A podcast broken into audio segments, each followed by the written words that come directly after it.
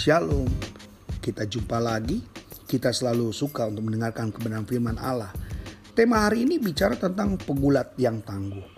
Pola pikir kita kalau ngomong pegulat pasti kita ingat pegulat Jepang yang kita sebut sumo ya. Sumo ini dia punya badan tidak atletik ya, tapi gemuk, besar, bahkan dia punya lemak ada di mana-mana, tapi dia tangguh.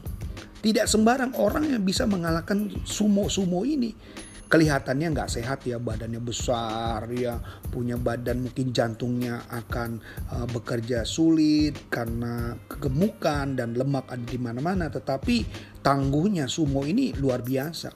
Kita bisa mendorong dia berapa senti saja kita berarti sudah hebat sekali. Kenapa? Karena dia memang punya pertahanan yang baik. Dia memang tidak terlalu lincah tapi dia punya pertahanan yang baik. Nah Firman Tuhan hari ini mengajak kepada kita untuk memiliki kekuatan yang benar. Ya, kalau kita lihat dalam kejadian kitab kejadian 32 dan kejadian ayat 33, mari kita lihat kejadian pasal 32 dan kejadian pasal 33. Di sini kita akan melihat bahwa uh, perjalanan kehidupan Yakub ketika dia mau berjumpa dengan Esau, uh, kekhawatiran yang sangat besar karena dia tahu dia pernah menipu Esau, dia pernah berbohong dengan Esau sehingga pada waktu dia sudah uh, memiliki keluarga, anak mantu, cucu, Yakub menghampiri Esau dan meminta pengampunan kepada Esau dengan mengantarkan keluarganya ada di barisan terdepan terlebih dahulu dan dia di belakang. Tapi kita lihat di sini semua itu terjadi dengan begitu cepat. Esau yang dikhawatirkan itu justru melembut ya dia hatinya mengampuni Yakub apa yang sudah dilakukan. Nah, mari kita lihat yang menjadi esensial kekristenan kita adalah kemenangan kita dalam kehidupan rohani. Di mana Allah telah berhasil menaklukkan tentang keberdosaan kita dan kedagingan kita. Tetapi sebagai orang yang hidup rohani benar di hadapan Tuhan, ini adalah bagian kita kita sudah bergulat dengan masalah, kita sudah bergulat, tenang, bahwa yang bergulat itu bukan saudara, tetapi Tuhan bersama dengan hidup saudara. Tinggalkan. Ketika Yakub muda, dia terobsesi dan dia diberkati walaupun kadang-kadang dia mengambil berkat itu dengan cara uh, licik, ya dia melakukan tipu muslihat.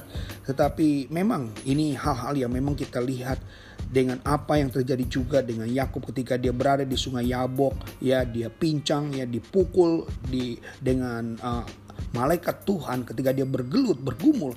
Tetapi memang itu luar biasa. Ada kata-kata yang menarik sekali. Sebelum engkau memberkati aku, aku tidak akan pernah melepaskan engkau. Sebelum engkau memberikan janji-janjimu, engkau tidak akan aku lepas. Itu kekuatan yang luar biasa seorang Yakub yang punya mental baja ya. Kadang-kadang kita punya mental yang cukup lemah ya. Ada masalah, pengen yang ninggalin Tuhan, pengen masalah, maunya lepasin Tuhan, iman percaya kita. No, hari ini lepaskan semua itu itu. Jadilah Yakub yang berkumul. Tetap pegang Tuhan, tetap intim dengan Tuhan, maka engkau akan diberkati dia. Ibrani 11 ayat 21 bilang begini, karena iman maka Yakub bersandar dan pada kepada kepala tongkatnya. Tongkat ini mengingatkan kita pada kesetiaan Tuhan dalam hidup kita. Dia betul-betul setia, dia tidak pernah meninggalkan. Kalaupun dunia sering kali tidak setia, rekan teman tidak setia, keluarga tidak setia, tapi Tuhan tetap setia. Jadilah tangguh, sudah jangan menjadi orang-orang yang cengeng. Banyak yang menjadi cengeng ketika ada masalah. Ya, ya tadi saya katakan mau meninggalkan Tuhan. Uh, serius dengan apa yang kau sudah diberikan kuasa oleh Tuhan. Serius dengan apa yang Tuhan sudah percayakan. Petanda kesetiaan Tuhan dalam hidup kita adalah kita tangguh Jangan pernah Tuhan sudah memenangkan semua pertandingan untuk kita, tetapi kita tidak menjaga kemenangan itu, kita sia-siakan, bahkan kita lepaskan kemenangan itu, kita biarkan kemenangan itu, lalu kita menganggap bahwa Tuhan tidak menolong. Nah ini banyak orang sering kali begitu. Tuhan sebenarnya sudah memikul beban kita, Tuhan sudah memikul semua masalah-masalah kita, tetapi karena kita eh, terlalu berkelebihan, kalau berapa hari lalu saya sudah menyampaikan banyak kita sering kali uh, memikirkan bahwa Allah itu menolong setengah. Allah tidak pernah sungguh-sungguh dalam diri kita. Salah. Allah tidak pernah tidak merasa sungguh-sungguh. Setiap hal kecil apa pun Allah selalu melakukan dengan sungguh-sungguh. Hanya kita kembali lagi. Kita sungguh-sungguh nggak. Nah marilah Jadilah pejuang-pejuang yang tangguh, iman yang tangguh, karena itulah yang menjadi identitas kita sesungguhnya.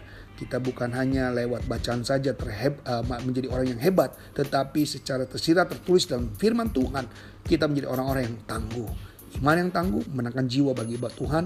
Iman yang tangguh akan memenangkan banyak jiwa-jiwa juga dalam pelayanan-pelayanan bersama dengan Tuhan. Itu saja, kiranya ini boleh menjadi berkat buat kita dan firman yang tetap mengenapi dalam hidup saudara dan saya. Tuhan Yesus memberkati. Shalom.